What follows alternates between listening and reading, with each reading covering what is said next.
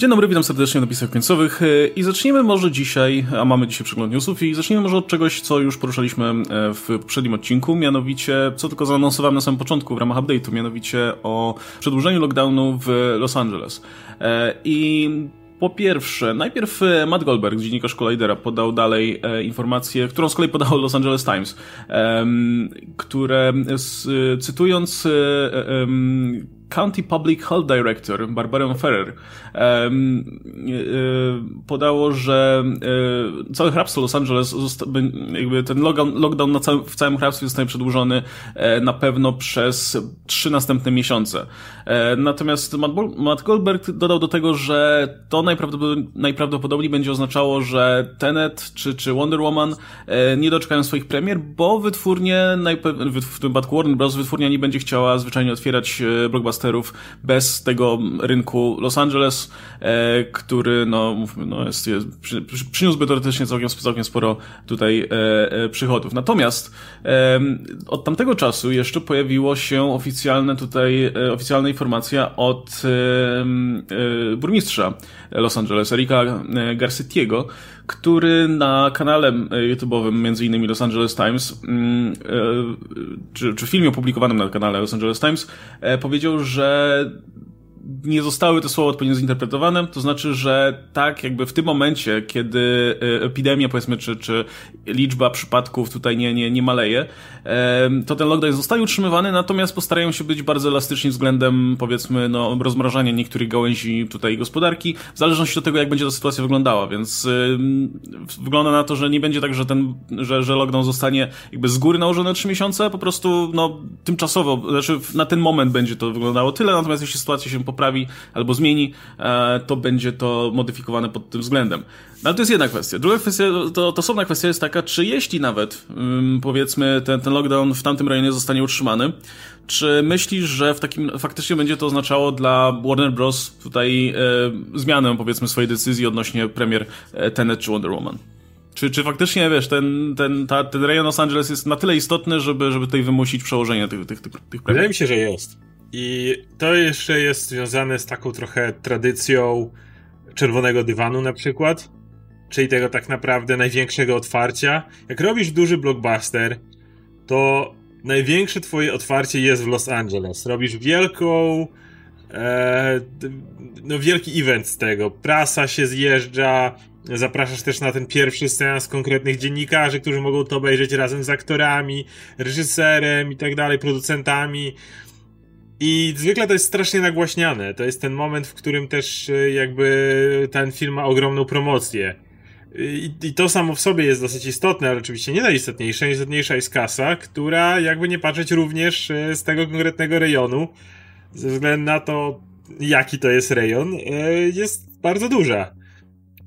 I nie, jakby Warner i tak tutaj twardo szedł pod wiatr, mówiąc, że nie, Tenet zostaje, nie, tutaj kinowe doświadczenie jest najważniejsze i ja to szanuję, ja to doceniam, ale jakby co chwila dostają kłody pod nogi. Wydaje mi się, że jakby kolejnej, kolejna kłoda wystarczy, żeby ich tutaj y, przewrócić i i będą musieli się poddać. Znaczy nie muszą, mogą powiedzieć oczywiście, że nie, dalej twardo trzymamy się tego, ale wydaje mi się, że jednak to są zbyt y, potencjalnie dochodowe filmy, żeby ryzykować czymś takim. Przy czym problem polega na tym, że jak wspominaliśmy wcześniej, coraz trudniej jest przesuwać. Ja y, wspominałem wcześniej o tym, że jak gadaliśmy w ogóle o tym, czy Tenet zostanie w tym miejscu, to jakby jedną rzecz, którą, którą tutaj zauważaliśmy, to to, że może być tak ciasno, że oni są w stanie nawet zaryzykować odrobinkę mniejszą widownią, którą zakładaliśmy, że gdyby kina były otwarte, no to musieliby się z nią liczyć, ale liczyć, że przez tygodnie zarobią więcej, kiedy nie będzie nic innego w kinach, bo w jakimkolwiek innym miejscu w kalendarzu, no już zaczęłaby się ostra konkurencja. I to się nie zmieniło. Więc e, dalej wydaje mi się, że stawiam na to, że to przełożą, ale mimo wszystko będą mieli bardzo ciężki orzech do zgryzienia pod tytułem OK, to gdzie? Mm. E, właśnie Barbara Ferrer, pytana jeszcze przez Hollywood Reportera, mm, co, co to będzie oznaczało konkretnie w kolei, już, już po tej wypowiedzi burmistrza, jak to będzie wyglądała, jak będzie wyglądała sytuacja właśnie w Los Angeles, powiedział, że, że, że, że jakby burmistrz powiedział prawdę, to znaczy dalej będą obserwować sytuację i w momencie, w którym, tutaj, tutaj będę parafrazował, e, tutaj oczywiście we współpracy z ekspertami, z, z e, tutaj właścicielami biznesów i tak dalej, no będą decydować o tym, jeśli w momencie, w którym powiedzmy okaże się, że jest bezpiecznie do tego, żeby, żeby mm, jakieś e, czy, czy, czy inne mm, miejsca odtworzyć, to to zrobią. Natomiast no, nawet jeśli powiedzmy faktycznie tak to będzie wyglądało i dojdzie do, do sytuacji, w której no w lip, okaże się, że w lipcu jest na tyle bezpiecznie, że, że można kina otworzyć, trudno, trudno zakładać, że Warner będzie czekał do samego końca, wiesz, do, do, do końca czerwca i, i wyczekiwał, wiesz, stawiając wszystko na jedną kartę, że mo, a może, a może jednak, a może jednak nie.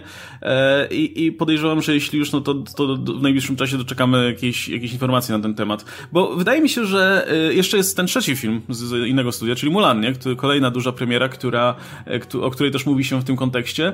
E, tylko, że w, w przypadku Mulan wydaje mi się, że jakby różnica między Mulan a Tenetem i, i Wonder Woman jest taka, że no Tenet i, i, i, Wonder Woman to są filmy, które przede wszystkim mają zarabiać w USA, nie? To są jednak filmy, gdzie gdyby nie było całej epidemii, e, to i tak pewnie jakaś połowa zysku, by, by, e, albo niewiele mniej, by była z rynku amerykańskiego, więc w tym, w tym przypadku jest wręcz ekstremalnie ważne, żeby te filmy przełożyć i, i, i zarobić jak najwięcej i z tego rynku amerykańskiego najwięcej wyciągnąć. A jak mówimy o rynku amerykańskim, no to nie da rady pomijać Los Angeles i, i tamtego rejonu zupełnie, nie? Bo też nie mówimy o samym Los Angeles, ale też o... o, o przy, tak, no to jest, to jest rejon, gdzie jest najwięcej kin generalnie w, w USA, nie? Więc y, no to tak jakby, wiesz, i, i być może tutaj naszym słuchaczom może się wydawać dziwne, no okej, okay, poświęcać premierę dla, wiesz, jednego miasta w USA, tam jest kupa dużych miast, no ale biorąc pod uwagę, jakie tam jest natężenie kin, jak dużo osób... Kultura też tam, sama tego... Tak, kultu, kultura chodzenia, no ufam się, mieszkają tam głównie ludzie, którzy mają też kasę na to, nie? Tak. Więc, więc to swoją drogą. To tak jakbyśmy powiedzieli, że wiesz, że jakiś film się otwiera w Polsce, ale z pominięciem Warszawy na przykład, nie? No, jasnym dałoby radę, ale, ale jednak byłby to, byłoby spore uszczuplenie, powiedzmy, wpływów. No, e, cały, cały, cały jakby biznes jest oparty o Hollywood, jeśli mówimy o tym rejonie, więc e, jeżeli jest oparty o tworzenie filmów, to też możemy założyć, że tak jak e, wspomnieliśmy, kultura tego, żeby faktycznie chodzić na te filmy jest dużo większa, bo większość ludzi, która mieszka w Los Angeles, chociaż w jakiś pośredni sposób, jest obok tego rynku istnieje, nie? Nawet jeżeli masz e, nie wiem, kawiarnie w okolicach Hollywood, no to jest duża szansa, że ludzie, którzy jadą do pracy albo wracają z pracy, zatrzymują się właśnie koło u ciebie na kawę, dlatego, żeby, żeby się napić. Yy, właśnie, właśnie po, po, po, ciężkim dniu czy przed. I yy, mówiliśmy już to wielokrotnie, co się stanie, jeżeli tam ten rynek yy, byłby zamknięty, jeżeli nagle Hollywood by się zamknęło, no to wiadomo, jakby to wpłynęło na cały rejon. Natomiast jeszcze chcę zwrócić uwagę na jedną rzecz, bo mówiłeś z tym czekaniem do końca i wydaje mi się, że wbrew pozorom to jest jakaś opcja.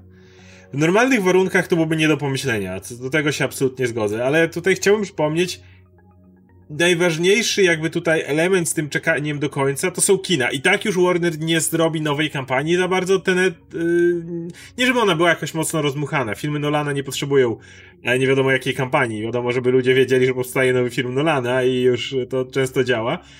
I nie to, że kina mają wielki repertuar, który muszą zamiast tego umieszczać i muszą być dogadane, że słuchajcie, jak nie będziemy mieli spiętej tej daty, to nie możemy was wziąć, bo tutaj pięć innych filmów wchodzi. No tak nie jest.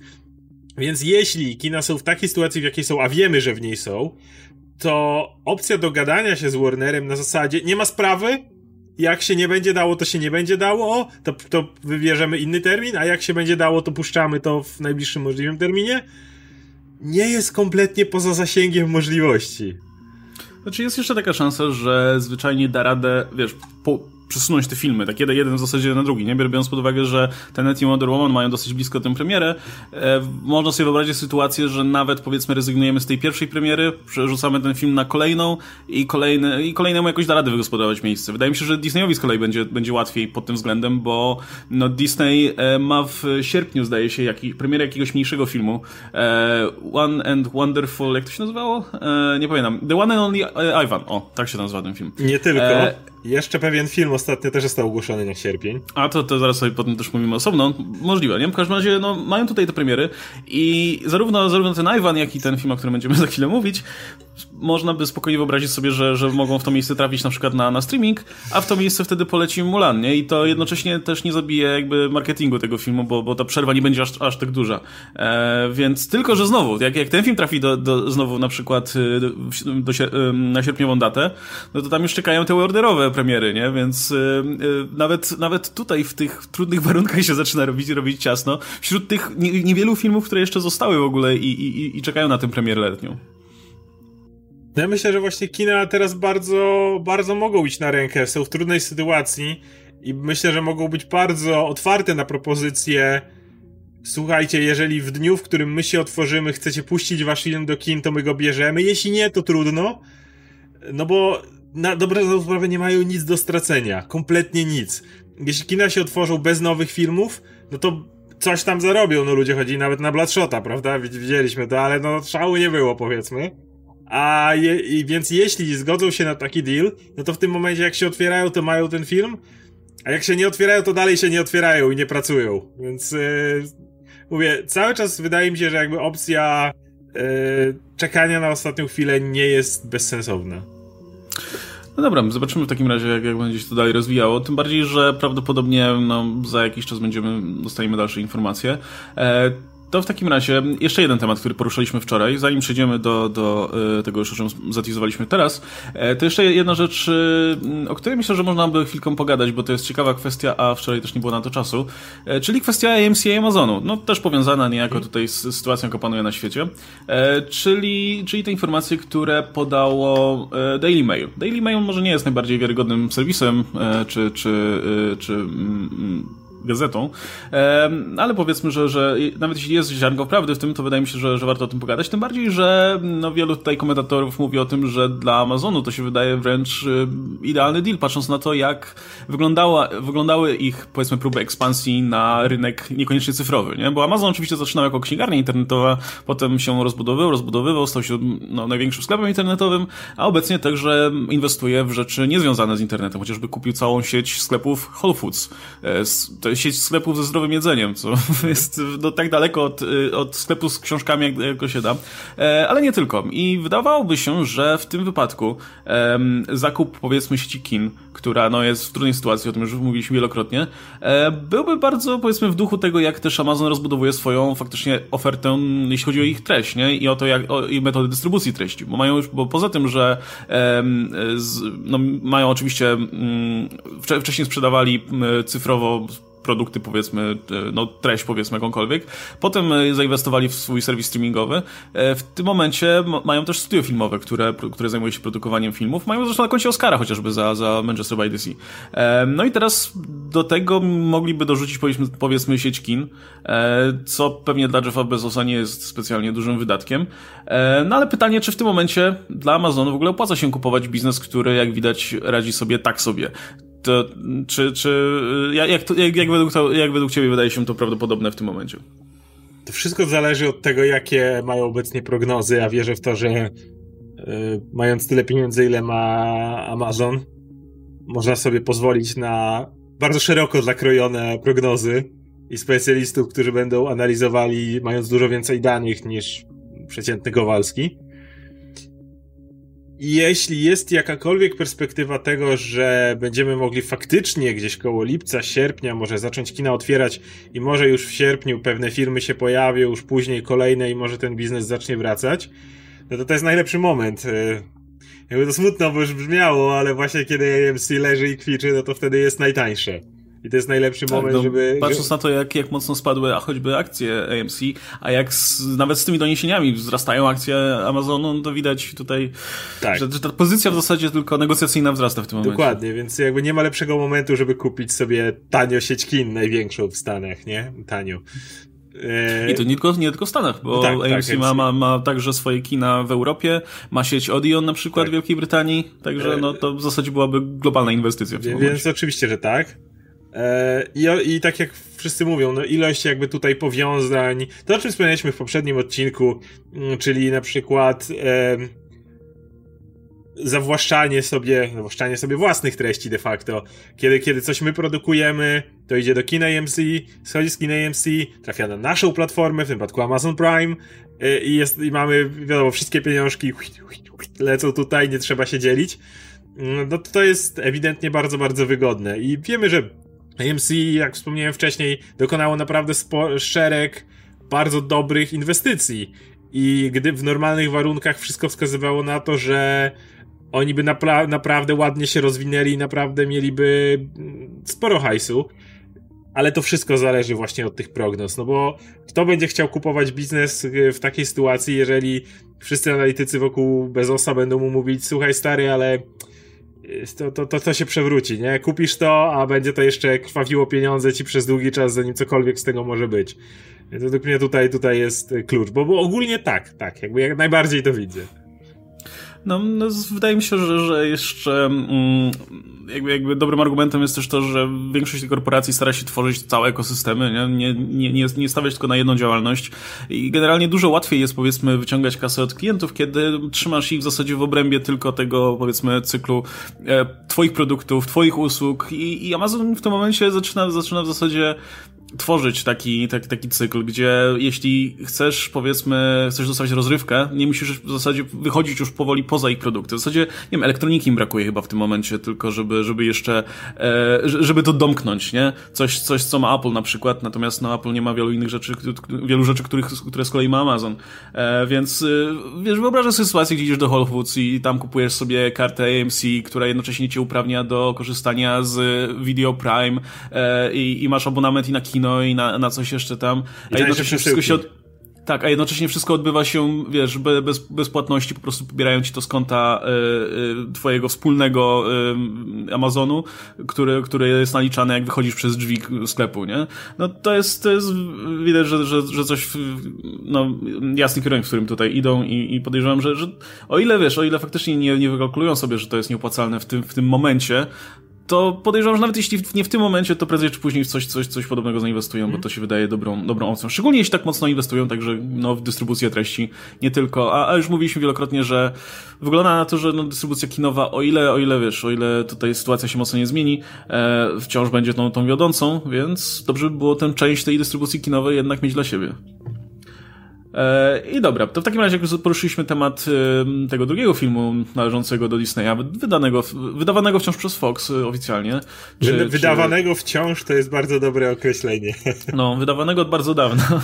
E, no, no nie ma ten film szczęścia i ja, wiesz, to, to było zabawne jeszcze w momencie, kiedy mm, kiedy te, te przesunięcia i różne rzeczy, e, zawirowania wynikały z, no, z działania studio, tak? Z, z, tego, że nie za bardzo wiedzieli, co chcą zrobić. Natomiast w momencie, w którym no, czynniki są czysto zewnętrzne, to się robisz trochę przykre. Tym bardziej, że New Mutants, bo o tym filmie mówimy, z każdym trailerem i zdjęciem i tak dalej, wygląda coraz lepiej.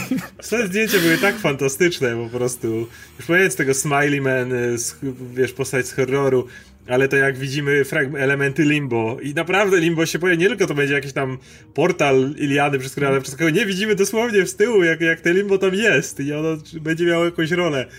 Ja to kurde, jak ja bym ten film zobaczył. No, ten, ten Smiley wygląda jak coś właśnie z horrorów Jamesa Wana. Coś, co z jednej strony jest takie mega kiczowate i, i wiesz, nie powinno cię straszyć ani nic takiego, ale myślę, że jeśli, jeśli to zostanie wrzucone do filmu odpowiednio, no to, to, to będzie Tym działać. bardziej, bo... że to jest, jak dobrze rozumiem, jeżeli połączysz to z poprzednimi trailerami, to jest taka pokraczna postać, która nie ma twarzy aż, aż ją ma w taki sposób, w jaki widzimy na zdjęciu, bo widzieliśmy w tych trailerach, jak on się pojawia, jak on jest taką po prostu, wiesz, manekinowa twarz, po prostu gładka, i teraz dostaliśmy zdjęcie, co się stanie, jak... No i zdaje się, że ma tą maskę jeszcze, nie? Tak, Taką jak od, od, która jest jeszcze od, bardziej creepy. Otworzy buzię, nie? I, i, I, jakby to się wszystko łączy, więc wydaje mi się, że jakby budując tę postać, może to doprowadzić do momentu, w którym coś takiego cię absolutnie będzie przerażało. No, ale tak czy siak w tym momencie New Mutants mają nową datę premiery, 28 e, sierpnia.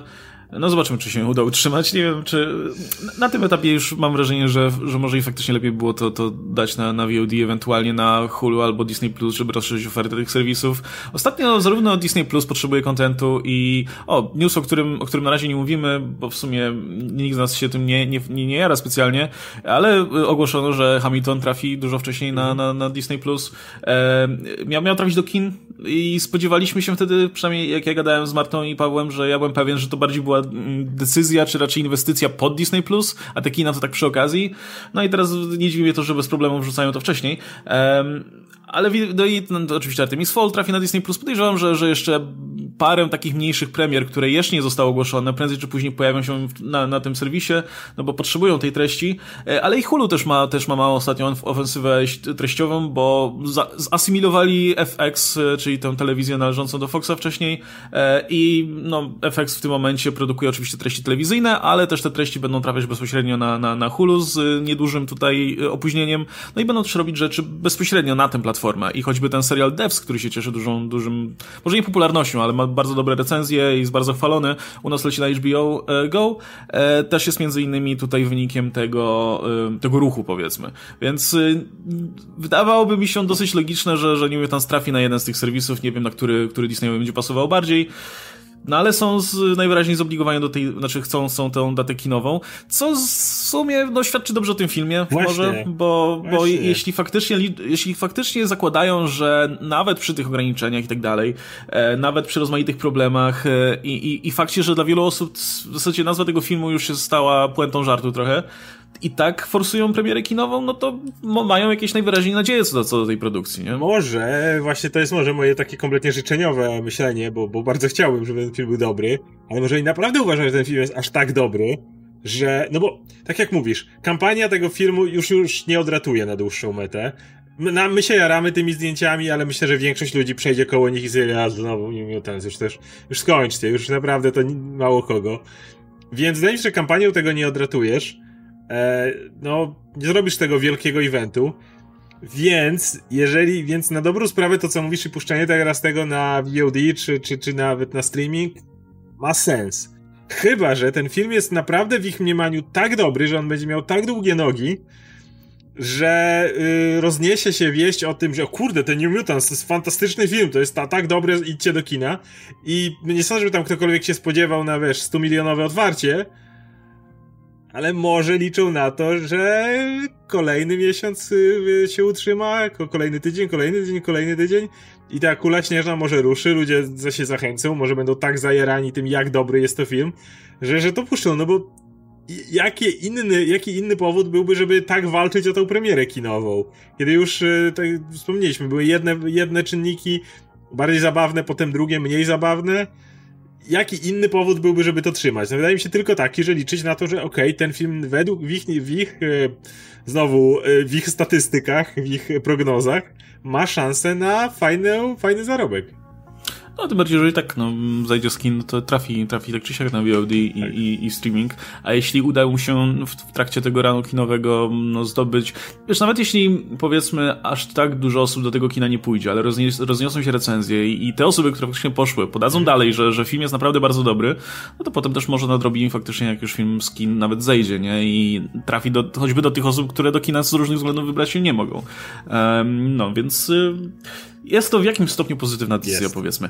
A kto wie w ogóle, jeśli ten film okaże się naprawdę bardzo dobry, e, wiesz, i, i, będzie miał taką lojalną, powiedzmy, publikę, która będzie go wspominać przez lata, to kto wie, czy też ta historia, która się za nim ciągnie, wiesz, te wszystkie zakulisowe rzeczy nie sprawią, że, że ten film pożyje dłużej w świadomości tutaj fanów, aniżeli by, by pożył tak, jakby trafił sobie do kin normalnie. Dałoby się Bo to cała legenda się buduje. Tak, tak, filmu, tak. Z tego by się potem jakiś dokument, jak to powstawało, w jakich momentach, jak to się zmieniało. Jeżeli ten film byłby super, to byłby też taki motyw, za którym fani mogliby stanąć, bo patrzcie. Disney w ogóle mógłby tutaj wyjść jako, jako bohaterowie wszystkiego. To jest film, który był wielokrotnie zmieniany przez studio, ale wtedy przed Kevin Feige i powiedział: Nie, to musi być tak, jak reżyser sobie to wymyślił. Chcemy, żeby wolna ręka i kreatywność tak. były nagradzane ponad wszystko. Wiesz, jakie tak, światło nas...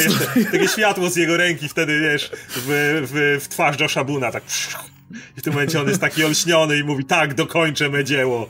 I w tym momencie, no, no wiadomo, jak, bardzo można po prostu na tym budować później, na, na, jeżeli będzie sukces, nawet tylko kreatywny, jak bardzo można nawet budować tutaj PR w przypadku Disneya i w ogóle tak, obecnego tak, zrządzania Marvela. Tak, dlatego tak istotne było to, żeby mieć jednak Buna na, po, po swojej stronie, tak, nie? Koniecznie. Koniec końców, prędzej czy później, jakby, no, no mówię, jeśli ten film wyjdzie i okaże się naprawdę bardzo dobry, no to roz, zacznie się seria wywiadów i pytań i tak dalej i wtedy, wtedy dobre słowo ze strony reżysera na, na temat będzie tej tak produkcji na pewno Disneya, będzie, będzie świetną reklamą, nie? Grunt, żeby to się nie skończyło jak, jak z, gru, znaczy bardzo dobrze, że to się nie skończyło tak, jak się skończyło z Joshem, Joshem Trankiem przy okazji tutaj jego współpracy z Foxem. A propos, to w ogóle taki mały, mały w takim razie, mała dygresja. Pojawiły się pierwsze recenzje filmu Capone Josha, Josha Tranka. Jest to rewelacyjne. Pierwszego po e, Fantastycznej Czwórce. E, I w tym momencie mm, film, film trafił oczywiście na VOD, więc, e, więc no, minęła go e, premiera kinowa. Jest 78 recenzji, swoją drogą bardzo mało, w ogóle małe zainteresowanie jest generalnie tym filmem, z tego to co fakt, widzę. że każdy może go sobie sprawdzić, nie? Tak, szczególnie, że właśnie, no właśnie, że nie ma żadnego problemu, żeby, żeby go zobaczyć. No i niestety pozytywnych recenzji tylko 40%. Natomiast powiem, powiem szczerze, że same recenzje, sama treść tych recenzji brzmi dla mnie bardziej zachęcająco niż wyglądał ten trailer wcześniej.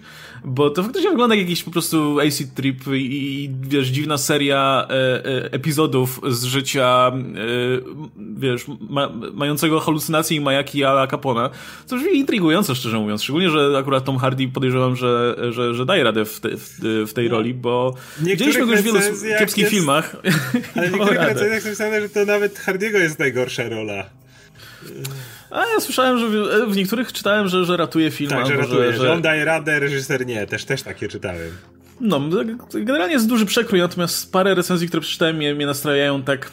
Może nie pozytywnie, ale intrygują, o, może w ten sposób. Więc ja, ja chyba z ciekawości sprawdzę, szczególnie, że Josh Trank jest oczywiście bardzo dumny z tego filmu i, i, i polecę go obejrzeć tutaj z otwartą głową.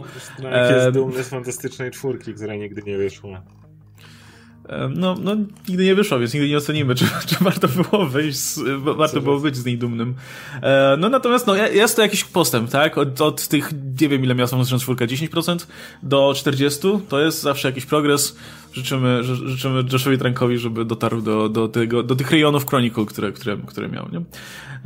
No, natomiast Josh Tank oczywiście dalej kontynuuje swoją krucjatę tam na, na, na Twitterze i nagle stał się bardzo outspoken, jeśli chodzi o, o kulisy przemysłu filmowego. I, fantastycznej czwórki, jak, jak, jak wychodził Capone, to on zaczął nagle mówić, jak tu go odcięli, jak tutaj mógł być na planie, ale nie miał nic do gadania i tak dalej. Znaczy ja w to wierzę, szczerze mówiąc, bo, bo jeżeli nawet z innych źródeł słyszałeś, jak wyglądała ta współpraca, chociaż były tam również różne rzeczy o, o tym, co Josh Tank sam odpierdalał, nie wiem na ile to jest prawdziwe, E, ale no, czy ten film byłby dobry, gdyby mu dali robotę, wiesz, normalnie pełną kreatywną kontrolę? Nie wiem. Natomiast jestem przekonany, że na pewno był aż tak zły właśnie przez Bajzel, który tam miał miejsce, bo z kogo byś nie strony nie zobaczył jakiegoś informacji, to wszyscy wskazują na to, że to był po prostu taki blender wszystkiego, że z tego nie dało się zrobić już nic sensownego. Znaczy, wiesz, ja mam założenie, że no, jeśli gość naprawdę został nieźle poturbowany psychicznie podczas pracy nad Fantastyczną Czwórką i e, no, generalnie był tam, panował tam burdel i, i w jego głowie i poza nią, to film, który teraz wyszedł jako ten takie przetarcie i, i wiesz, odreagowanie trochę, no myślę, że, że będzie wyglądał tak jak, tak jak czytamy w tych recenzjach, jako bardzo coś mało spójnego i, i raczej, raczej no, mało koherentnego ale, ale, ale też pod tym kątem zamierzam go oglądać, więc, więc może, może w ten sposób zyska też na wartości. Warto pamiętać, że znowu nie wiemy, czy jak wyglądałaby sytuacja, gdyby on skończył swoją fantastyczną czwórkę normalnie, ale jakby w tej chwili, na pewno w jego głowie również, obwinia studio ówczesnych szefów Foxa za stratę innych bardzo lukratywnych projektów, które, które mu sprzed nosa wyleciały. E, na pewno był to oczywiście, była to część Gwiezdnych Wojen, ale była też rozmowa bodajże Jurassic World, czy coś, coś takiego. Wiem, że miał opcję też e, reżyserować e, inne duże blockbustery. I po raz kolejny, nie wiemy, czy gdyby Fantastyczna Czwórka jego wyszła, nie skończyłoby się tak samo. Może, może to dalej byłby gniot i w tym momencie studia dalej stwierdziłyby, e, Josh, to może jednak nie rób tych Gwiezdnych Wojen. A może nie. I na pewno nie dziwię mu się jemu, że on widzi to w ten sposób, że przez ten projekt e, bardzo, bardzo dużo stracił. No, nie, nie, nie dziwię się na pewno je, jego podejściu. No i trzymamy kciuki, żeby się tutaj e, los odwrócił. E, no dobra, to jak, jak jesteśmy przy Foxie, to jeszcze jedna kwestia związana z Foxem, czyli Deadpool.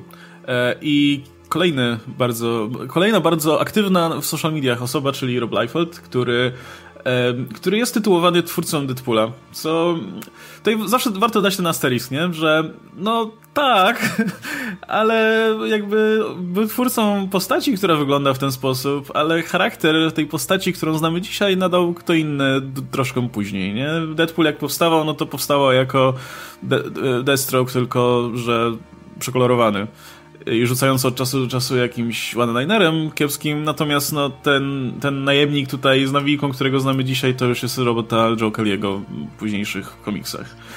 No więc, y, no ale wiadomo, no, na miejscu Roba też bym mówił, że jestem twórcą Deadpoola, tak? To jest prosta sprawa. Natomiast y, poza tym, że Rob oczywiście tutaj y, no, tytułuje się tym twórcą Deadpoola i stara się, stara się w ten sposób kreować, to jeszcze on bardzo często przyjmuje tę rolę takiego insidera, jeśli chodzi o projekty z Deadpoolem filmowe. Nie wiem czemu i z czego to wynika do końca. E, zresztą on tam on w którymś momencie pisał, że to, no, to między innymi dzięki niemu w ogóle ten film powstał, ten, ten, ten pierwszy. E, Ty, tylko wtrącę, że on, tu, on często próbuje być insiderem wszystkiego. No on to... wie dokładnie, co dzieje się za kulisami w Marvelu, w DC. Czasami mówi i ja, ja, ja naprawdę kocham Roba pod względem tego, jak on. To jest tak um, sympatyczny człowiek, o tak powiem. Jak on. Z nim wywiady są, jak on gdzieś siedzi. To jest taki gość, z którym mógłbyś wypić piwo i wiesz, że żebyście wam się dobrze gadało.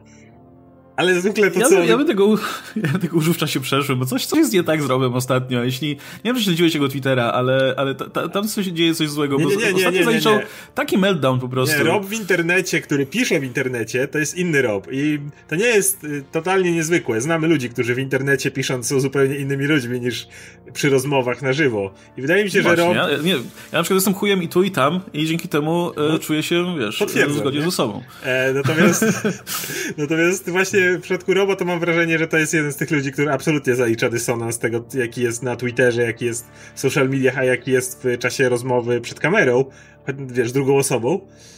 E, I wracając do tego, co chciałem powiedzieć, to jego większość skupów, które miał często, były takim bullshitem, który się w ogóle nie sprawdzał. Jak on tam mówił, że no tutaj e, DC to coś tam zaraz zjedzie z górki i w ogóle i, i się wypierdzieli na, na ryj, bo, bo coś tam, prawdopodobnie nie dali mu dokończyć jakiegoś projektu czy coś w tym rodzaju, ale on już wiedział, że tam się coś dzieje złego. No, no wszystkie studia się wywaliły, ja wątpię, żeby Rob miał dobre informacje, że koronawirus zaatakuje, więc... No ja podejrzewam, że podobna sytuacja jest tutaj. Zresztą to też wiąże się, mam wrażenie, z tym, że Rob bardzo by chciał sobie. Chciałby mieć trochę większą pozycję niż ma i trochę uzurpuje, myślę, myślę e, stanowisko, którego nie ma.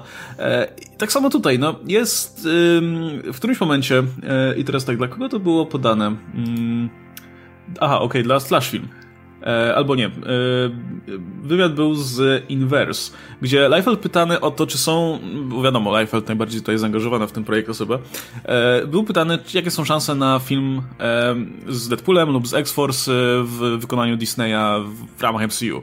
No i Rob tutaj bardzo oburzony powiedział, że nie, jest realistą, w związku z tym nie ma żadnych szans, ten projekt już umarł, trzeba się przyzwyczaić do tego, że mieliśmy dwa filmy i koniec, Disney nic z tym nie zrobi i, i że no, no generalnie nie ma co na to liczyć.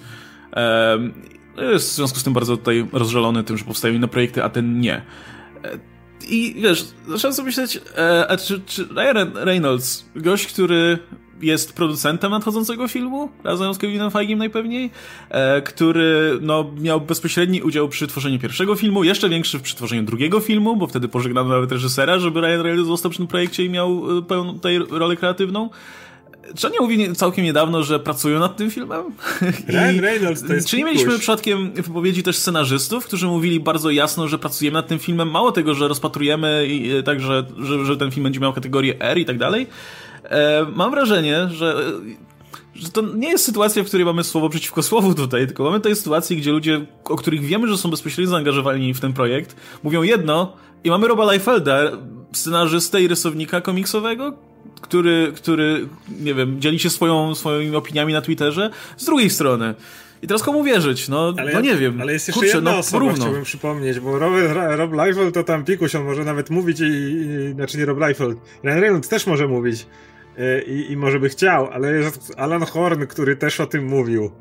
Wiecie, szef filmów w Disneyu, który mówi, że też y, pracują nad tym. Mało tego, Bob Iger, który jak wiemy przez y, koronawirusa dalej jest tym gościem, którym był de facto z grubsza w Disneyu, też mówił o tym, że chciałby Deadpoola w, y, pod Disneyem, tylko oczywiście z, z, opracowaniem tego, w jaki sposób Erka miałaby wyglądać, ale, ale on nawet w kontekście Deadpoola mówił o tym, że w Disneyu myślał o tym, w jaki sposób oznaczyć, odciąć Deadpoola od family friendly filmów, żeby dla widowni było jasne, nie? Masz tych gości na samej, samej górze, którzy mówili, że chcą i będą kombinować nad tym, jak tego Deadpoola w to wszystko wcisnąć. Masz niesamowitą popularność marki, masz tego Ryana Reynoldsa, którego popularność jako Deadpoola nie słabnie, bo w każdym filmie jest Deadpoolem, więc ludzie chcą dalej Deadpoola, bo, bo jest Deadpool cały czas. Jakby tutaj nie ma, nie ma nawet opcji takiej, żeby oni to, to porzucili w tym momencie. Nie, nie widzę szans. Mało tego. Jest jeszcze jedna rzecz. Jest koronawirus. Yy, studia mają mniej pieniędzy. Wiecie, jaka jest zaleta Deadpoola? Taka, że kosztuje stosunkowo mało pieniędzy w stosunku do innych filmów, a zarabia dalej podobnie jak te największe blockbustery. Znowu, to jest złoty projekt pod względem tego, yy, jakie projekty, w jakie projekty teraz warto inwestować, kiedy trochę portfel szczuplejszy w przypadku Disneya, który tam się ostatnio zapożyczył na 11 miliardów. Tu nie, nie ma żadnych argumentów przeciwko temu filmowi na tę chwilę poza słowem Roba Leifelda. Mi się wydaje, że on po prostu ma straszny ból dupska do Disneya i Marvela, no bo Marvel Comics, którego on nienawidzi osobiście, z którymi się poprztykał pewnie ostatnio. Widać było, jak jego tweety skręciły w jakąś stronę i zaczął DC i Marvela po prostu jechać od lewej do prawej.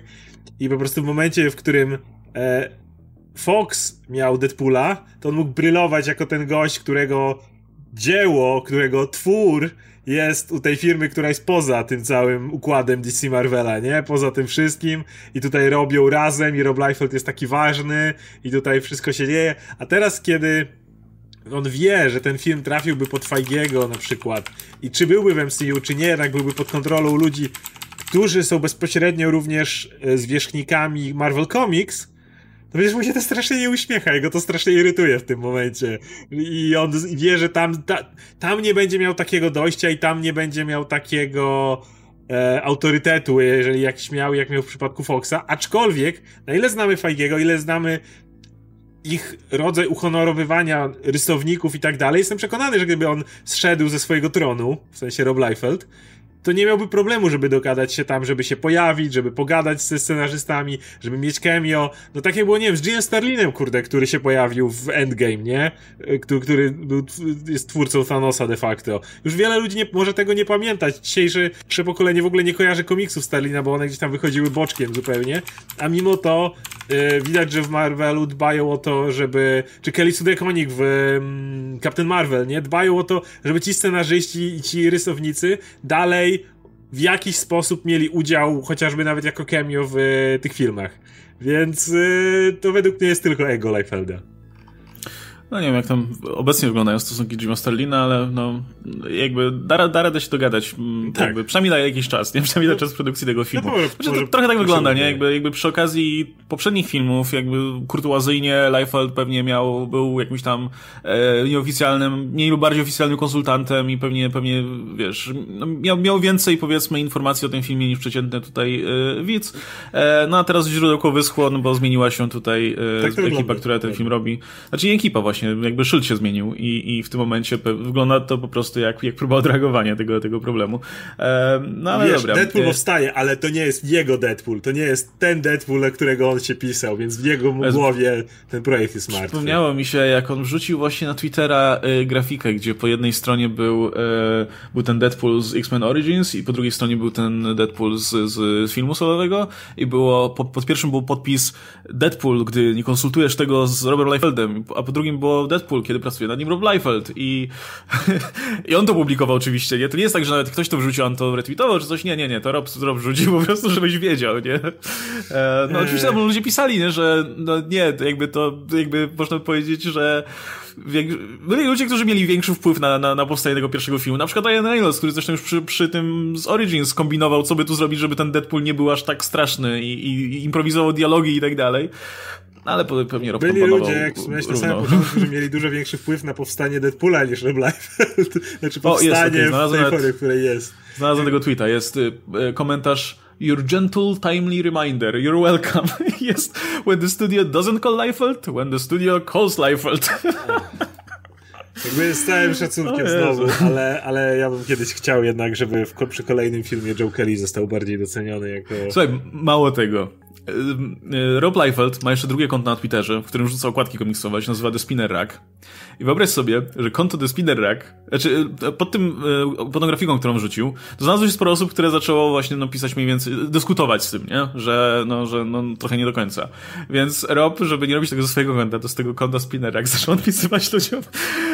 Co, to jesteś głupi, czy co? Ale po prostu jak dwunastolatek. Ale wiesz co?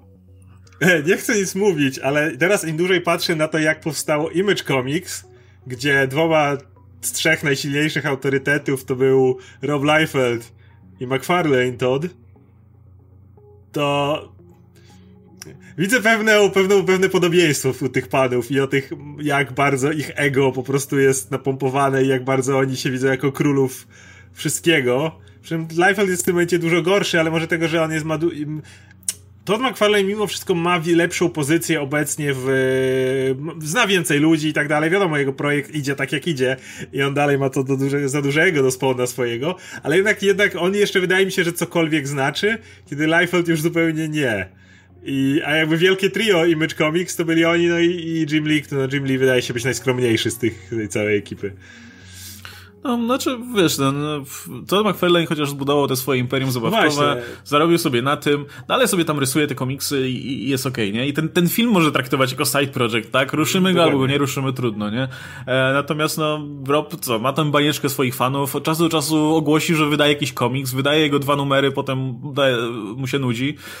I no i tak to, tak to się kręci, nie? Jeszcze do tej pory robił te warianty dla Marvela, nie wiem, czy, czy, czy, czy dalej je robi, czy już, czy już się pożegnał, ale no, wygląda, to, to wygląda smutno po prostu, więc może, może odpuśćmy ten temat i, i przejdźmy sobie dalej, bo e, no, szkoda, szkoda zajmować tym czas więcej. E, no dobra, coś, coś jeszcze nam tutaj zostało, o czym e, mieliśmy powiedzieć. A, no tak, jest na wojny. E, tutaj te wszystkie newsy castingowe związane przede wszystkim z postaciami związanymi z Mandalorianami, nie? Między innymi, ale, też, ale nie tylko. E, więc tak, dostaliśmy parę informacji castingowych i zacznę od tej najświeższej. E, Katie Sackhoff którą możecie kojarzyć, nie wiem, z Battlestar Galactica na przykład, i która zresztą udzielała głosu te, tejże postaci w, e, w serialach animowanych, no, zagra Bo-Katan w nadchodzącym drugim sezonie Mandaloriana. W ogóle to wszystko, to, to mnie zaskakuje, że to cały czas wszystko dotyczy drugiego sezonu, nie? Jakby te, te, te postacie wszystkie tutaj mają się pojawić już w drugim sezonie. I to jest jedna rzecz. E, druga rzecz jest taka, że z takich oficjalnych oczywiście ogłoszeń e, mamy także angaż i tutaj gdzieś mi, o jest, e, angaż e, Temuera Morrisona, które, Temuery Morrisona, którego możecie znać jako Jango Fetta, ale dla mnie zawsze będzie Arturem Karym. Nie, nie Arturem Karym. E, Oj, ojcem Artura Karym. E, Tomem Karym. Tom, Tomem Karym, który, który oczywiście był ojcem Aquamena i jednocześnie e, no, zakochał się w Królowej Syrenek, więc to jest, to jest cudowne no, który pod, to, to nie jest oficjalnie, jakby nie wiemy, nie, nie wiemy oficjalnie kogo ma grać, natomiast Hollywood no. Reporter podaje, że według ich informatorów ma to być y, Boba Fett. Ciekawe, kogo e, miałby grać. Hmm. No ja, ja myślę, że jest jeszcze jedna propozycja, mianowicie mógłby grać który, Rexa na przykład, albo któregoś, albo jakiegokolwiek innego klona, którzy mieli tę samą twarz, nie? Więc, Czy Rex y, też był klonem Django? To musicie, muszą mnie poprawić, bo wiem, że jakby tych te klony pochodziły z różnych źródeł, jakby było, było kilka tych template'ów klonów. I jeśli, e, jeśli na pewno dobrze wiecie w kanonie, ludzie, którzy się tym interesują, czyją twarz miał Rex, no to, to dodajcie znać, ale. Nie jest tak, że oni wszyscy mieli dokładnie tę samą twarz? Wydaje mi się, że byłby przynajmniej jeszcze jeden template poza, poza Django Fettem. Ale znowu, mo mogę się mylić. Je jeżeli był tylko Django Fett jako, jako e, odpowiednik wszystkich klonów, to to też napiszcie. Być może był jakiś inny, tego nie wiem, ale mam wrażenie, że te wszystkie klony, które przynajmniej widzieliśmy w, w Clone Wars wcześniej, no miały ten, dokładnie tę samą gębę, więc e, starali się ich odróżnić potem tymi fryzurami, zarostem i tak dalej, i tak dalej, e, więc, ale miałoby sens wówczas, jeśli faktycznie tak jest, no to miałoby sens, żeby, żeby ten aktor grał później Rexa, a wiemy, że Rex przeżył e, sobie te, te wszystkie wydarzenia i, i, i teoretycznie mógłby się pojawić. I e, zaraz jeszcze do tego przejdziemy, ale ja mam nadzieję, że to jednak będzie Rex, a nie, a nie Boba Fett. Też bym wolał. No i jeszcze trzecia informacja castingowa, tym razem troszkę mniej oficjalna, bo potwierdzenia tutaj nie było żadnego. Natomiast od dawna się spekuluje, że Rosario Dawson miałaby zagrać Asokę w też drugim sezonie Mandaloriana. Aha, i w stosunku do tych wszystkich postaci, całej trójki, nie mamy zielonego pojęcia, czy to będzie jakaś duża rola, czy po prostu całą trójkę zaangażowano do tego, żeby się pojawili w finale jako cameo, albo żeby się pojawili i dostali, nie wiem, spin-offowy serial, czy coś takiego. Cholera wie, w każdym razie mówimy tylko o samych anga samym angażu aktorów. Natomiast Rosario Dawson została też zapytana przez Variety po prostu otwarcie, ej, będziesz grała Asoka Tano. I Rosario Dawson odparła, że odparła w teorii, że nie, ale to brzmi jak tak. To znaczy powiedziała, że no nie jest to potwierdzone jeszcze, ale kiedy to się stanie, to będę bardzo zadowolona. E, więc to brzmi jak brzmi jak Generalnie jak to się dopowiadają, nikt do mnie jeszcze nie dzwonił. Jeżeli chcą powiedzieć, że chcą to naprawdę ukryć. To nie brzmi jak naprawdę Będę ukrycie. bardzo, bardzo podekscytowana, e, jeśli to zostanie, jeśli to zostanie podane do wiadomości no. na jakimś etapie. Więc no, to brzmi jakby, jakbyśmy mogli się spodziewać faktycznie Rosario Dawson. Um, i to tyle, jeśli chodzi o oficjalne informacje. Spekuluje się też o tym, że ma wrócić e, Sabine, która była bohaterką w Rebels e, i, i, i też się wspomina o jakichś tam innych postaciach, ale to są te, te póki co. E, mówi się, że na przykład Ray Park miałby wrócić w tym, w jakimś tam wydaniu, w, nie wiem, w serialu Obi-Wanie czy coś takiego. W każdym razie, no sporo, sporo tych spekulacji tutaj krąży, natomiast pomówmy może o tym, co wiemy w tym momencie. Więc... Więc tak. Jak to... No. Jeśli chodzi o Bo-Katan, no to dla mnie to jest must po prostu, żeby się pojawiła. No bo to była ostatnia osoba, którą, jeżeli się śledzi Rebels, to jest ostatnia osoba, która nosiła Darksaber. Czyli to coś, czym na końcu Moff Gideon sobie się uwalnia z tego TIE Fightera, który się przewalił. E, więc e, hej, ten gość nagle ma ten miecz, który miała inna, bardzo istotna dla loru postać.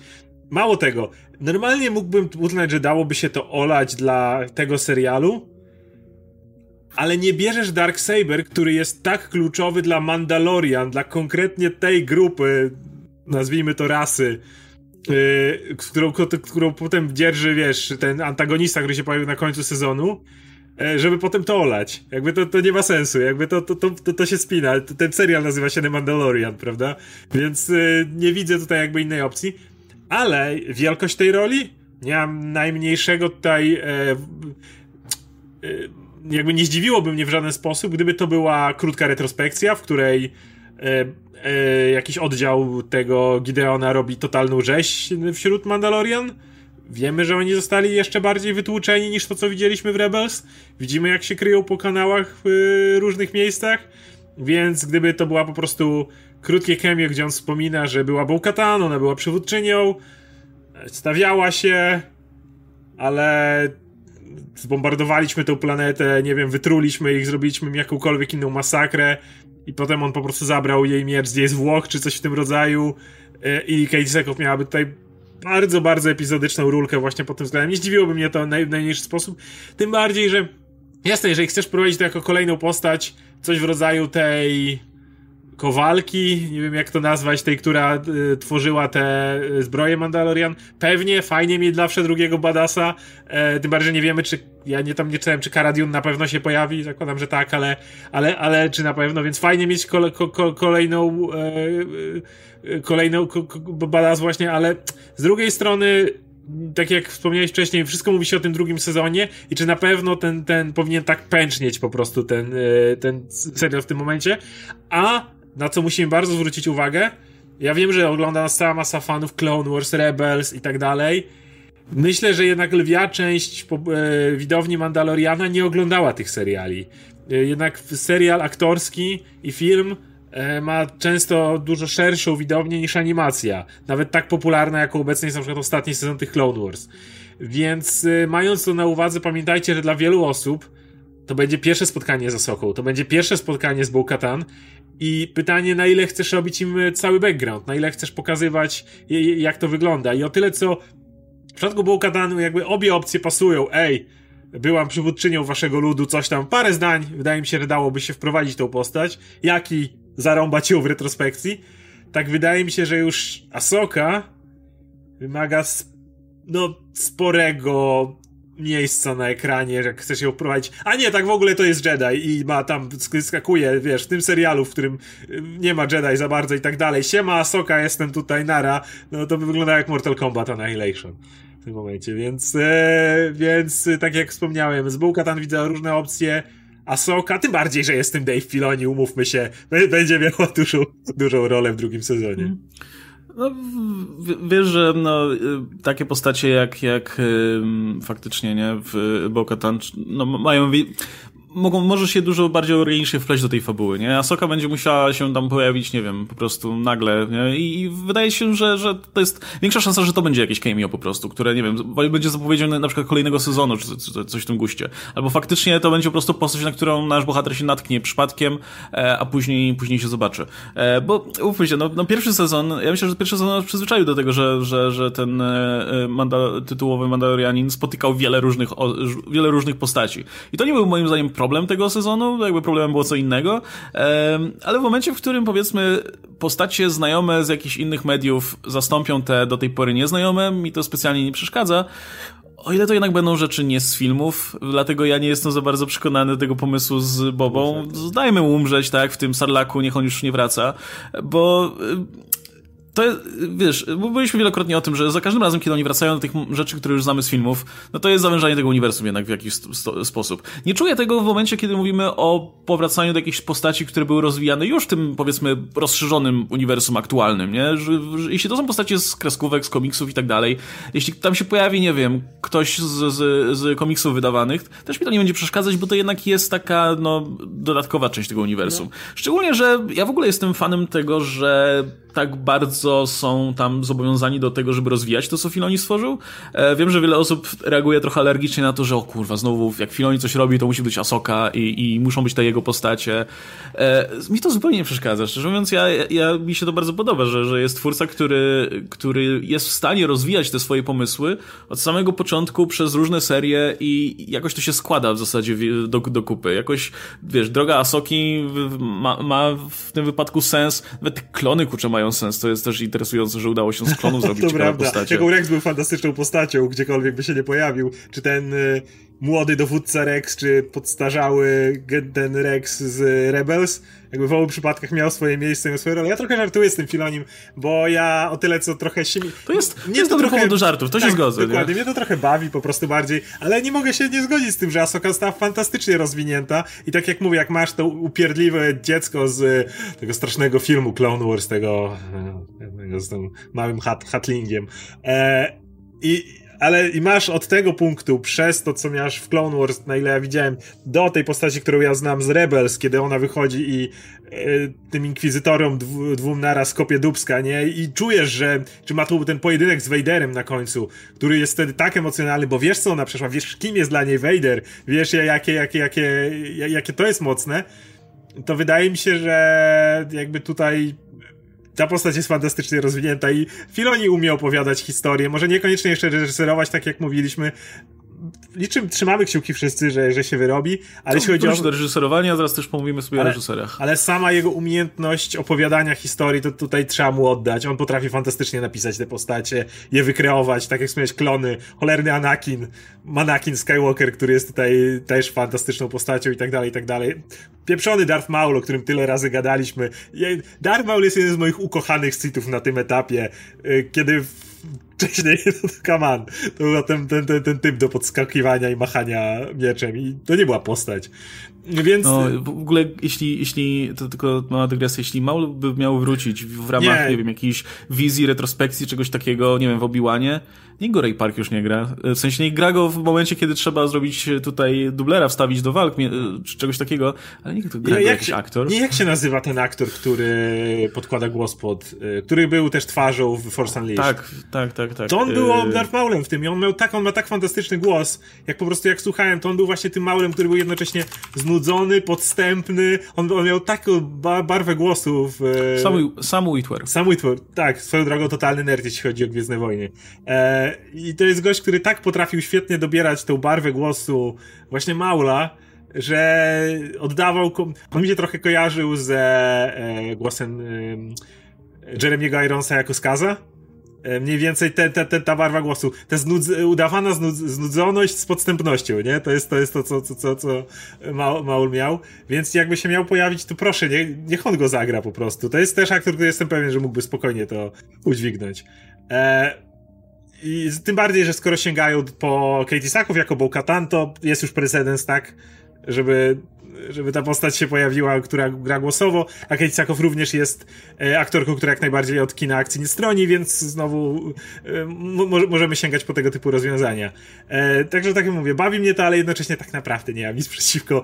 I najlepsza rada to jest taka, jak trochę ty mówisz, sięgaj po postacie, nazwę to niżej, to znaczy tak, masz na samej górze filmy, wiadomo, że je obejrzało najwięcej ludzi, więc kiedy robisz serial, nie sięgaj po, po, e, Potem masz serial aktorski prawdopodobnie. Mandalorian prawdopodobnie będzie oglądany więcej. Potem masz animację, a gdzieś później masz książki i komiksy, tu ciężko powiedzieć, nie? Więc jak robisz e, serial, to sięgaj do książek i komiksów, a nie do filmów, które wszyscy znają i wiesz, i lubią i tak dalej. Jak robisz animację, to też niekoniecznie musisz sięgać po serial aktorski, tylko weź coś z książek i z komiksów, a jak robisz książki i komiksy, to ponieważ masz tak duże poletko, to zrób coś oryginalnego, nie? Wstaw nową postać. E, I, i w ten sposób e, działanie jakby też nie mam nic przeciwko temu i też zgodzę się z tym, niech Fez zostanie tutaj uśmiercony a jakby się pojawił Rex i Asoka powiedzmy razem gdzieś tam podróżowali, bo oni się znają, i, i może ich razem dałoby się spotkać. Może to byłoby rozwiązanie. W każdym razie ostatnie, czego chcę powiedzieć w tym temacie.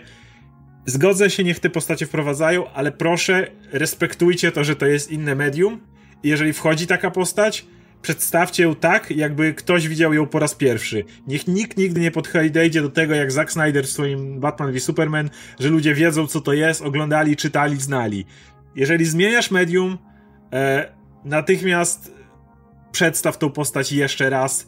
Yy, jasne, nie, nie wymazuj jej backgroundu, nie mówię, żeby ją rebootować, ale daj dla ludzi, którzy nigdy nie znali tej postaci do zrozumienia, kim ona jest, jaką rolę tutaj pełni i ej, może jak chcecie poznać jej losy, to zajrzyjcie tam, ale to nie jest wymóg, żebyście połapali się w ogóle, po co ta postać się tutaj znalazła. No co wiesz, w przypadku, w przypadku nie wiem, Masoki na przykład, nie byłoby takie trudne, biorąc pod uwagę, że bohater Mandaloriana no, nie, nie miałby pojęcia, kim ona jest, skąd się wzięła w ogóle, jakim celem przeżyła i, i wiesz, i skąd, w zasadzie, no, kim jest ta postać, więc trzeba by to wytłumaczyć no, jemu, a także i czytelnikom, e, czytelnikom widzom. E, no, ja byłbym o to spokojny, to znaczy myśl, w teorii zakładałbym, że no to jest oczywiste, że, że musieliby te postacie przedstawić w taki sposób, że to zrozumiałe dla nowych widzów, no ale z drugiej strony mieliśmy Maula w, w solo, nie? I tłum ludzi, którzy nie mieli zielonego pojęcia, jakim cudem ten typ żyje w ogóle, nie? I co się stało. E, i, a, a tam najwyraźniej założyli wszyscy, że no pewnie wszyscy widzieli Clone Wars, Wars więc, więc spoko, co, co się, że nie. I to nawet solo, którego nie obejrzało dużo ludzi, obejrzała właśnie tak jak wspominamy, ta grupa, która wcale nie czyta komiksów, nie czyta książek i nie ogląda animacji i pomimo klapy finansowej solo, duża część ludzi, która obejrzała ten film nie wiedziała o co chodzi z Maulem.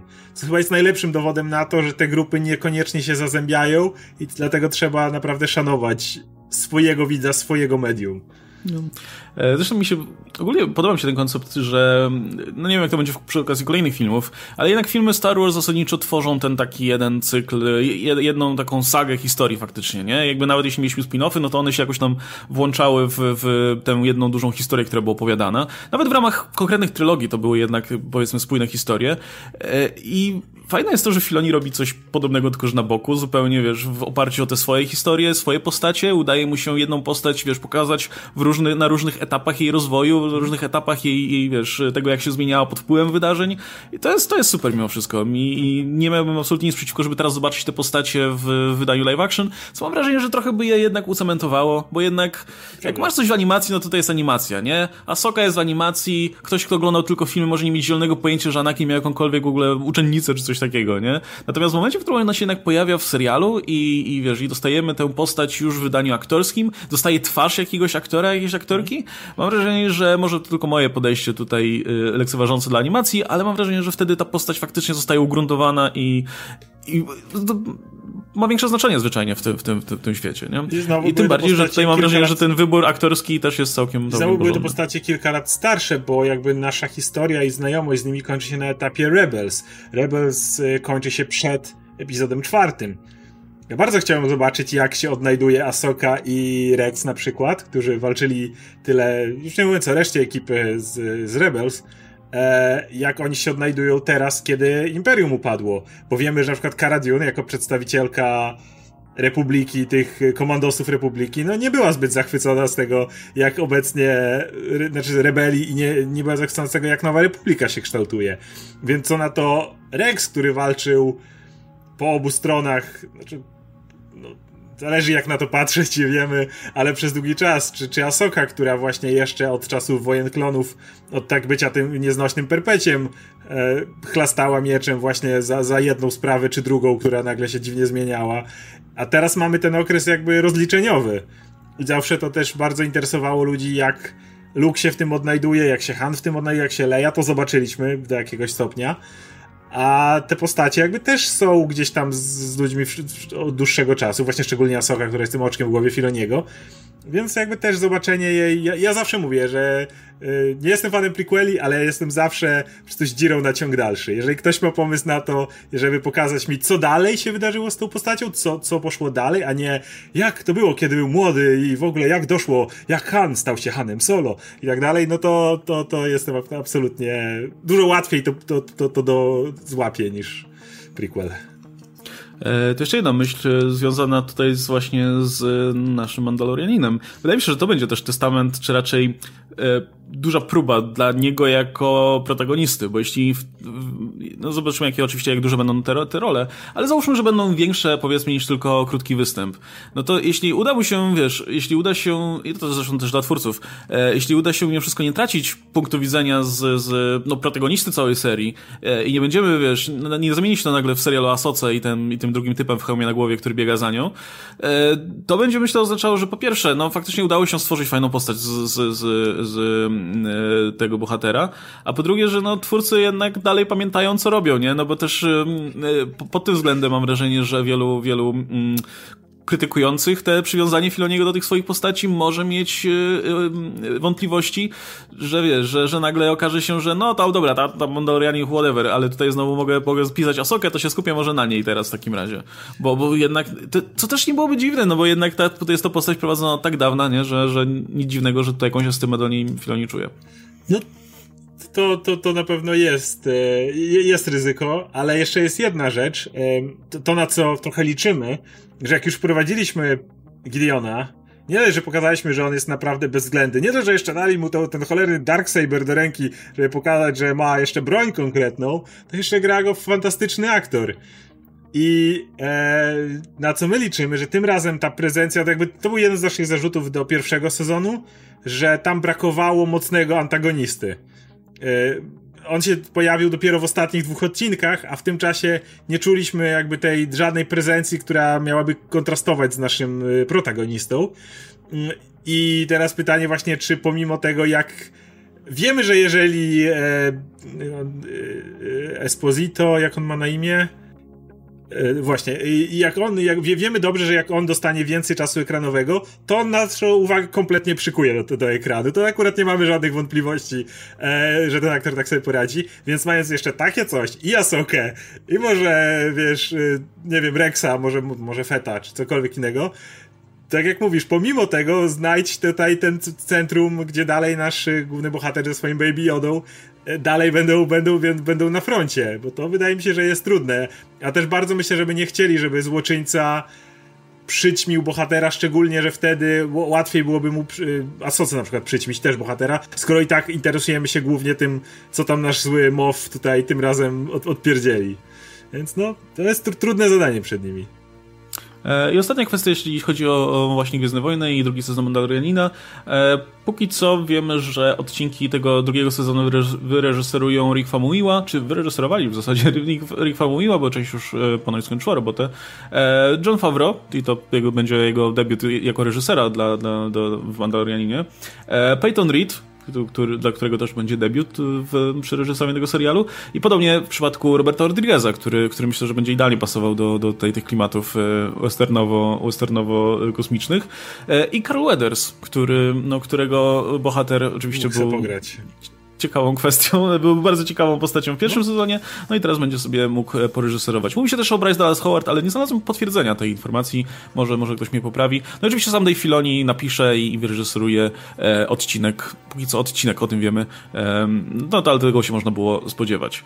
No i e, jeszcze gwoli przypomnienia, e, sezon ma mieć swoją premierę w październiku 2020 roku. No. Ja ogólnie miałem wątpliwości na przykład co do Peytona Reeda. Wiadomo, że nie jestem jego zwolennikiem ostatniego Ant-Man and the Wasp, który on reżyserował. Ale im dłużej się nad tym zastanowiłem, tym bardziej jakby mam coraz mniejsze obawy co do tego. Głównie dlatego, że pamiętajcie, że Ant-Man and the Wasp to był już film, który też Peyton Reed w dużej mierze pisał. To był ten gość, to jakby on czuł tym projektem. A jednocześnie to był gość, który wziął ten trochę spadek po Edgarze Wrightie, tam przerabiany oczywiście przez y, innych utalentowanych twórców i zrobił kapitalny film, jakim jest Ant-Man. Jakby nie mogę zarzucić reżyserii Ant-Mana jedynki za wiele. Mało tego, był on w stanie dopisać tam elementy, jakby wzmocnić ten scenariusz niektórymi rzeczami, które myśleliśmy, że a, to pewnie Edgar Wright. No nie, ten cała, jak Louis opowiada całe te swoje historie, które wiadomo, że zdobyły serca fanów, to był Peyton Reed. To był jego pomysł w tym momencie. Więc y, mam przeczucie, nie mogę tego na pewno stwierdzić, że to jest całkiem zdolny reżyser, ale nie aż tak dobry twórca własnych historii. E, a przynajmniej, no, no nie własnych, bo wiadomo, Ant-Man 2 też miał swoich scenarzystów, ale tak jak mówię, no ten gość, który ma dużo większą rolę w tworzeniu historii, ale, nie, ale kiedy dostanie już gotowy materiał do przetworzenia, a za nim stoi przede wszystkim Dave Filoni, który z kolei przed chwilą mówiliśmy o tym, że może nie jest najlepszym reżyserem, ale jest za to fantastycznym twórcą różnych historii, to z tego może wyjść właśnie taki miks, z którym ci panowie na przykład uzupełniają się pod tym względem. Filoni, jeżeli dalej nakręci swój odcinek, zobaczymy, może, może jego warsztat się będzie poprawiał z czasem, ale tak jak mówię wcześniej, do Peytona Reeda mam cieplejsze tutaj nastawienie niż miałem, jak tylko o co Peyton Reed usłyszałem. No Rodriguez to jest, to jest według mnie fantastyczny pomysł na to, to jest gość, który wiadomo, że się będzie w tym bawił. Yy, zresztą to jest też gość, który wydaje mi się, że ostatnio trochę nie miał pomysłu na siebie, bo on stał w rozkroku trochę pomiędzy tymi swoimi dziecięcymi produkcjami, a tymi przerysowanymi produkcjami, w żadną stronę mu nie szło. Star zdaje mi się, to jest coś, w czym może się jak najbardziej odnaleźć. Więc to jest dalej świetna grupa reżyserów. Co do Bryce Dallas Howard, nie wiem, no i odcinek był według mnie koszmarnie zrobiony, więc... Czy wiesz, to też kwestia, w dużej mierze może być kwestia też skryptu samego. Tak, nie oczywiście. Się. No, akurat no, nie, w tamtym odcinku pamiętam, że te sceny akcji były, były dosyć słabo nakręcone, no ale szczerze mówiąc, no, mm, ktoś na pewno coś Braz Dallas Howard jako, jako, reżyser, jako reżyserce widzi, więc no, nie, nie, nie skreślam. W każdym razie, póki co widzę, że screen... Nie nazwisko. e, ale może, może geny, może, może, może coś tam, coś tam po, po, po tacie odziedziczyło. W każdym razie e, Screenrun widzę po, po, podawał e, też nie, nieoficjalnie o informacji o Bryce Dallas Howard, ale widzę, że oni też podawali informacje o Jamesie Mangoldzie, który potem zdementował te informacje, ale Bryce Dallas, Dallas Howard nie dementował, więc może, może faktycznie wróci do tego. Jeszcze, jeszcze a propos Peytona Rida, to ja tak trochę, trochę się, może inaczej, mam, mam wrażenie, że być może jakby niski poziom Ant-Man and the Wasp nie był do końca zasługą Peytona Reeda, bo, bo nie był zaangażowany właśnie w pisanie scenariusza w żaden sposób, nie? Jakby ani story, ani, ani sam skrypt, to, to nie było jego dzieło, nie? W zasadzie przyszedł po prostu na ten gotowy scenariusz, który też nie był pisany przez tę samą grupę osób, którą, którą pisała, która pisała pierwszą część. Tam e, oczywiście z jednej strony zostały, tam było jeszcze sporo Edgara Wrighta, e, tam Adam McKay się chociażby dokładał do tego i, i Peyton Reed zdaje się także, więc może, może i lepiej jakby pisał ten scenariusz. Z drugiej strony pojęcia. nie do końca. Natomiast bo... wiesz, ten, ten scenariusz dwójki był pisany przez i Chrisa McKenna, i Erika Somersa, i, i Paula Rada, e, i, i, jeszcze jakieś tam dwie osoby, czy coś takiego, więc podejrzewam, że to był taki składak potwór Frankensteina, który przeszedł przez ileś tam rąk i, i dotarł do, do, do rąk Peytona Reeda i jakby ja totalnie nie, nie mówię, że to jest świetny reżyser, nic takiego, znaczy jakiś zachwycający, nie? No już tutaj mówiłem wielokrotnie, że wolałbym kogoś, kto miał jakiś bardziej wyrazisty styl i ten, ale mam wrażenie, że wiesz, to co miał wyreżyserować w tym filmie, no to to grało, to znaczy wiesz, sceny, sceny jakieś sceny komediowe grały faktycznie, jakby timing był dobry, e, jakby relacje między postaciami były dobrze zarysowane, jakby wydaje mi się, że problem polegał na tym, że po prostu na tym filmie nie było żadnego pomysłu, a to nie do końca była wina reżysera, jak dla mnie. To ciężko powiedzieć, bo z drugiej strony no wiesz nie, dobrze, nie, że... Nie, nie byliśmy na planie, nie? Ciężko to mimo wszystko dobrze, zobaczyć. że przy drugiej części będzie miał... Reżyser zwykle ma dużo większą kontrolę kreatywną nad tym, co się dzieje z danym filmem, więc y, nawet jeśli on nie pisze skryptu, takie to dalej jakby ma ostatnie słowo, znaczy to wiadomo, że jest bardzo różnie interpretowane, ale ma ostatnie słowo co do tego, jak dana akcja ma wybrzmieć.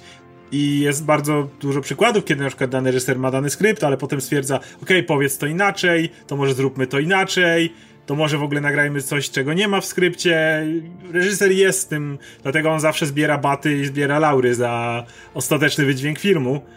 I tutaj dlatego nie jestem w stanie do końca bronić, e, ale wiem na pewno, że miał dużo mniej do powiedzenia w kwestii scenariusza znaczy nie scenariusza, ale ogólnie no był nowym, świeżym reżyserem, który jeszcze wchodzi w to miejsce przy Ant-Manie 1 niż przy dwójce. Mo może to jest naprawdę właśnie uzdolniony gość, który potrzebuje obok siebie naprawdę dobrych twórców. Ciężko powiedzieć. Ja trzymam znaczy, kciuki. Żeby było jasne, nie? Jakby jak najbardziej należy mu się bura za Anpena 2 przez to, że no, jest, podpisuje się tam jako reżyser, nie? Więc to jest jego film kreatywnie, nie? Natomiast e, tak kombinuję pod kątem jego angażu właśnie w Mandalorianie, nie? Że no, e, czułbym się, no nie wiem, mam wrażenie, że, że e, no nie wiem, wydaje mi się, że, że zobaczymy po tym odcinku po prostu. No, Podejrzewam, że to będzie całkiem, całkiem dobry benchmark tego, jak, mm jak, jakim jest reżyserem. Bo Szczególnie tutaj na tle też paru innych tutaj y, kolegów po fachu. I wiesz tutaj, że Filoni odpowiada zapewne za dużą część tej historii, jak za, jak za całość. Wiadomo, że to jest ten mastermind y, tego Expanded Universe obecnego, więc jakby tutaj już nie będzie argumentu, że gówniany scenariusz był, wiesz, w, w tym miejscu i on, no, to, to tak jak mówisz, to będzie dobry test. No, zresztą wydaje mi się też, że sam Dave Filoni coraz bliżej jest tego, żeby, żeby mieć więcej do powiedzenia w samym Lucasfilmie, jeśli chodzi o Gwiezdne Wojny idące dalej, nie? Jakby niekoniecznie będzie musiał być producentem ani, ani niczym takim, ale jako osoba, powiedzmy, kreatywnie zarządzająca tym, co nie jest... Myślę, że wyrabia coraz, coraz więcej, wiesz, argumentów za tym, nie? No, ostatni ten sezon klonów, którego nie widzieliśmy, no bo nie oglądaliśmy całych, ale przyjął się jak cholera, nie? Jest świetnie oglądany, świetnie oceniany. Na tle tego, kiedy Gwiezdne Wojny ostatnio nie cieszą się najlepszą w ogóle opinią po tym tak, bałaganie. Tak, dwie rzeczy, przy, do których dokładał tutaj swoją robotę, no cieszą się akurat y, dokładnie, bardzo dobrymi opiniami, o, nie? Dokładnie, więc to widać, że, że goś robi... No ja, ja zacznę go naprawdę szanować, jak kiedyś zrobi jeden dobry serial, bez, gdzie Asoka nie będzie miała nawet cameo. Zobaczę, zobaczę, że okej, okay, trzy kółka zostały odczepione, Filoni, jesteś teraz mężczyzną, potrafisz potrafisz zbudować Może po prostu Gwiezdne Wojny potrzebują więcej Asoki. Jakby Asoka się pojawiła w Rise of Skywalker, to, to też byłby lepszy film. Pojawiła się przecież. E, no, ale nie wiem, jak zobaczę, że on potrafi tak jeszcze zaorać to, co zrobił i tak na, na własnych tutaj nogach zbudować, może bez cameo swojej ukochanej postaci, wtedy będę miał pełny szacunek. I tak mam ogromny, ale te wtedy już będzie taki, no tak, to jest właściwy człowiek do tego. Żartuję trochę oczywiście, ale, ale tylko trochę. Tylko trochę. No dobra. Słuchajcie, to na, na, tym będziemy kończyć w takim razie. E, dajcie nam znać, jak wam się podobają te zapowiedzi i co wy myślicie o tym, powiedzmy, tak dużym udziale postaci, no najprawdopodobniej postaci z, z, z seriali animowanych. No i oczywiście, co też myślicie o poprzednich e, newsach, o których tutaj mówiliśmy. E, my tymczasem, tak jak wspomniałem, żegnamy się. Był ze Oskar Rogowski, ja się nazywam Kastelmach. Jeśli macie jakieś dodatkowe pytania, jakieś kwestie, które chcielibyście, żebyśmy rozwinęli, to możecie zadawać nam pytania w tipach lub w superchatach. No i oczywiście widzimy się w kolejnych materiałach. Trzymajcie się. Cześć.